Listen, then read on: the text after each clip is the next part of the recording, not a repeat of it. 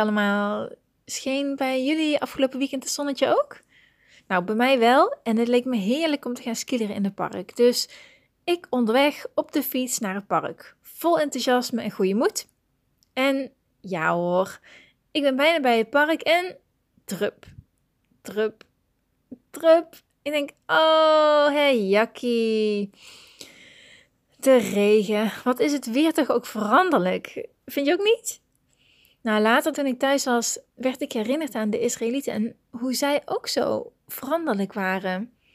De Israëlieten leefden 400 jaar lang in Egypte in slavernij. En eindelijk komt God ze te hulp door Mozes te sturen en hen uit Egypte te halen door allerlei wonderen. En dan, terwijl ze onderweg zijn naar het beloofde land, komen ze in de woestijn en lijkt het alsof ze al die dingen alweer vergeten zijn. En beginnen ze te mopperen en te klagen. En tegen Mozes zeggen ze zelfs dat ze liever in Egypte waren gebleven als slaven dan dat ze daar in de woestijn zijn. Ze zijn nog maar net uit Egypte en zijn ze dat hart van vreugde alweer vergeten en is het veranderd in een hart vol gemopper. Wauw, dacht ik, wat zijn mensen ook toch zo veranderlijk? Vind je ook niet? Ik denk dat dat ja, 4000 jaar geleden zo was, maar vandaag de dag ook nog steeds zo. Het ene moment zijn we blij en het volgende moment, als het iets tegen zit, zijn we die vreugde alweer vergeten en mopperen we weer.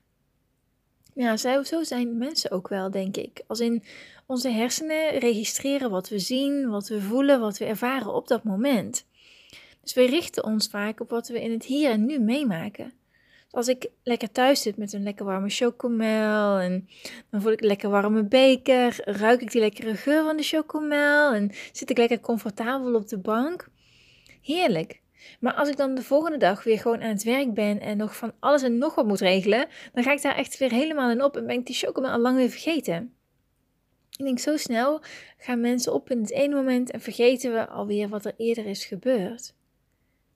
Maar ik denk dat betekent niet dat als we dan alleen gelukkig willen zijn, alleen maar van die chocomelmomentjes moeten hebben. Want ook al zijn we dan met andere dingen bezig, of zit het leven even niet mee, hebben we een tegenslag. Als we dan weer aan dat chocomelmomentje terugdenken, dan komen ook al die gevoelens weer terug. En komt dat comfortabele gevoel en die geur van die heerlijke chocomel weer terug. En dat is ook alweer heel mooi, vind je ook niet? En God weet dat wij als mensen zo in elkaar zitten. Hij zegt bijvoorbeeld tegen de Israëlieten in Deuteronomium 6, vers 12 en 13: Wees dan op uw hoede, dat u de Heer, die u uit het land Egypte, uit het slavenhuis geleid heeft, niet vergeet. U moet de Heere uw God vrezen, hem dienen en bij zijn naam zweren.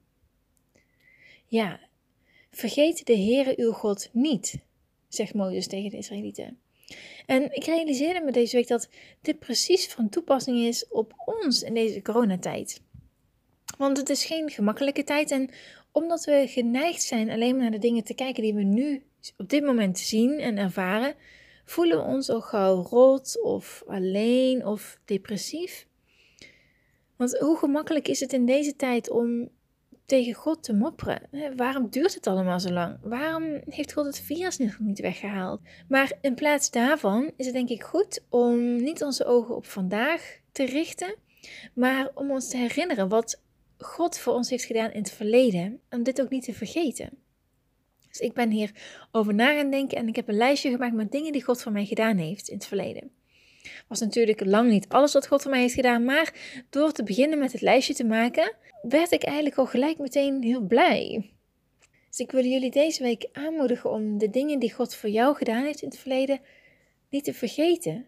En deze dingen ook te blijven herinneren, zodat je die moeilijke dingen waar je tegenaan loopt kunt overwinnen. Psalm hoofdstuk 18, vers 3 zegt: De Heere is mijn rots en mijn burcht en mijn bevrijder.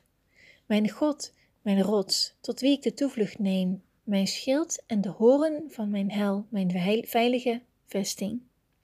Ja, de Heere is mijn rots. Waarom is God onze rots? Ik denk omdat God, net als een rots, stevig en rotsvast is, onbewegelijk en onveranderlijk. Hij vergeet ons niet en vergeet ook niet wat hij voor ons heeft gedaan. God heeft niet alleen in het leven van de Israëlieten, maar ook in ons leven veel wonderen gedaan. Dus laten we die momenten weer herinneren en erkennen wat hij voor ons gedaan heeft. Door dit te herinneren, voelen we ook weer die vreugde en hoop die we toen ervaarden.